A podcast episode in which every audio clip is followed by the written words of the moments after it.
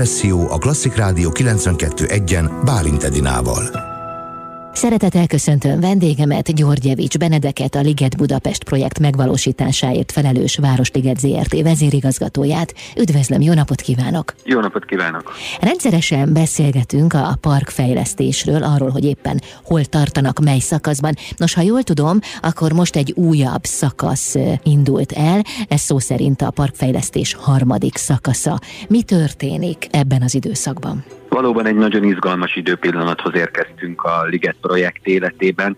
Ugye emlékeztetőül, amikor elindult a Városliget történelmi léptékű megújítása, mi azt ígértük, hogy nem lesz olyan, hogy körbezárjuk az egész ligetet, és aztán felújítás miatt zárva táblákkal találkoznak az emberek hosszú éveken keresztül, míg nem a végén átadunk valami csodát, hanem ütemezetten újítjuk meg a parkot, így túl vagyunk most arra több mint 150 ezer négyzetméternyi zöld felületnek a megújításán. Ha valaki személyesen látogat ki a Városligetbe, akkor az Ajtósi Dürer sor és az Icsi Mihály sor között tökéletesen látja, hogy milyen egészen elképesztő attrakciók jöttek létre, milyen izgalmas új zöld felületek újultak meg, és milyen látnivalók vannak, mennyire szeretik ezt az emberek, és ez folytatódik most organikusan egy újabb 80 ezer négyzetméternyi zöld terület megújításával, attrakciókkal, csendesebb, ligetesebb részekkel, szóval nagyon izgalmas lesz, ami még az idei évben el is készül.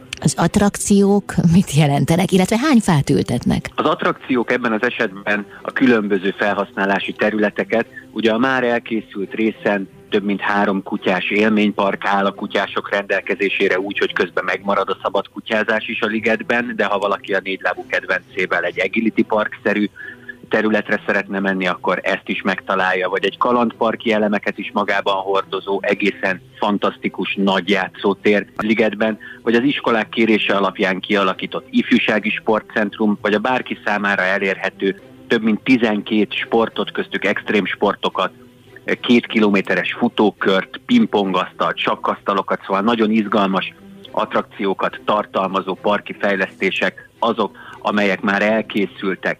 És az új területen sem lesz másként, lesznek ligetesebb részek, mint a Magyar Zeneházának a környezete, vagy éppen a Néprajzi Múzeum környezetének, vagy a liget egykori főbejáratának, a rondónak a megújítása, és lesznek attrakciók itt is, hiszen a zeneháza mellett egy kifejezetten tematikus zenei élménytér eh, kerül majd átadásra, az évvégi zeneház átadással párhuzamosan, ahol minden a hangról, a az érintésről és az ajokról fog szólni, úgyhogy azt hiszem, hogy egy izgalmas része lesz a Városligetnek. A park felújítás jelenlegi szakaszában összesen, ahogy mondta, csak nem 80 ezer négyzetméternyi parkfelület újul meg. Nagyjából hány fát ültetnek ezen a területen? Több mint 200 lombos fa kerül elültetésre, úgyhogy szabad szemmel is jól látszik majd a változás. Egy sokkal zöldebb liget jön létre, és nem csak az újonnan ültetett előnevelt lombos fák miatt, hanem mert számos helyen feltörésre kerülnek az indokolatlanul széles és most arra nagyon rossz minőségű betonutak, nagy keresztmetszetű burkolt felületek, így csökkenteni tudjuk a leburkolt felületek méretét, és ezáltal nő a park zöld felülete, ami a Liget projekt egyik legfontosabb vállalása. Egyébként a kertészeti megoldások során milyen szempontokat vesznek figyelembe? Nagyon sokfélét. Ugye itt egy komoly tervpályázat került kiírásra a Liget projektnek az elején, és így választottuk ki a Szlossjár György vezette Garten stúdiót, akik megálmodták az eredeti Henrich Nebien féle tervekhez történő visszanyúlást, visszanyúlással a ligetnek az új térszerkezetét. Ez egy egészen izgalmas tájépítészeti megoldás, gyakorlatilag egy olyan vegyes funkciójú parkhasználat jön létre, ahol a nyugodt, csendes, lombos fák tövében ücsörgős részek, mint mondjuk a Mőcsényi Mihály botanikus kert, ugyanúgy megtalálható, mint az izgalmasabb attrakciók, mint egy Kressz Park, vagy mondjuk éppen a Tópark, vagy éppen az a promenád rész, ami az egykori felvonulási téren megépült mélygarás tetején került kialakításra. Arról beszélgetünk, hogy a parkfejlesztés harmadik szakasza kezdődött el, de melyek a távolabbi tervek? Természetesen a liget 99 hektárja is teljes egészében meg fog újulni. Hogyha ez az újabb 80 ezer négyzetméter megújul, akkor azért már bátran mondhatjuk, hogy a liget jelentős része átesett egy rehabilitáción, de lesz még előttünk munka.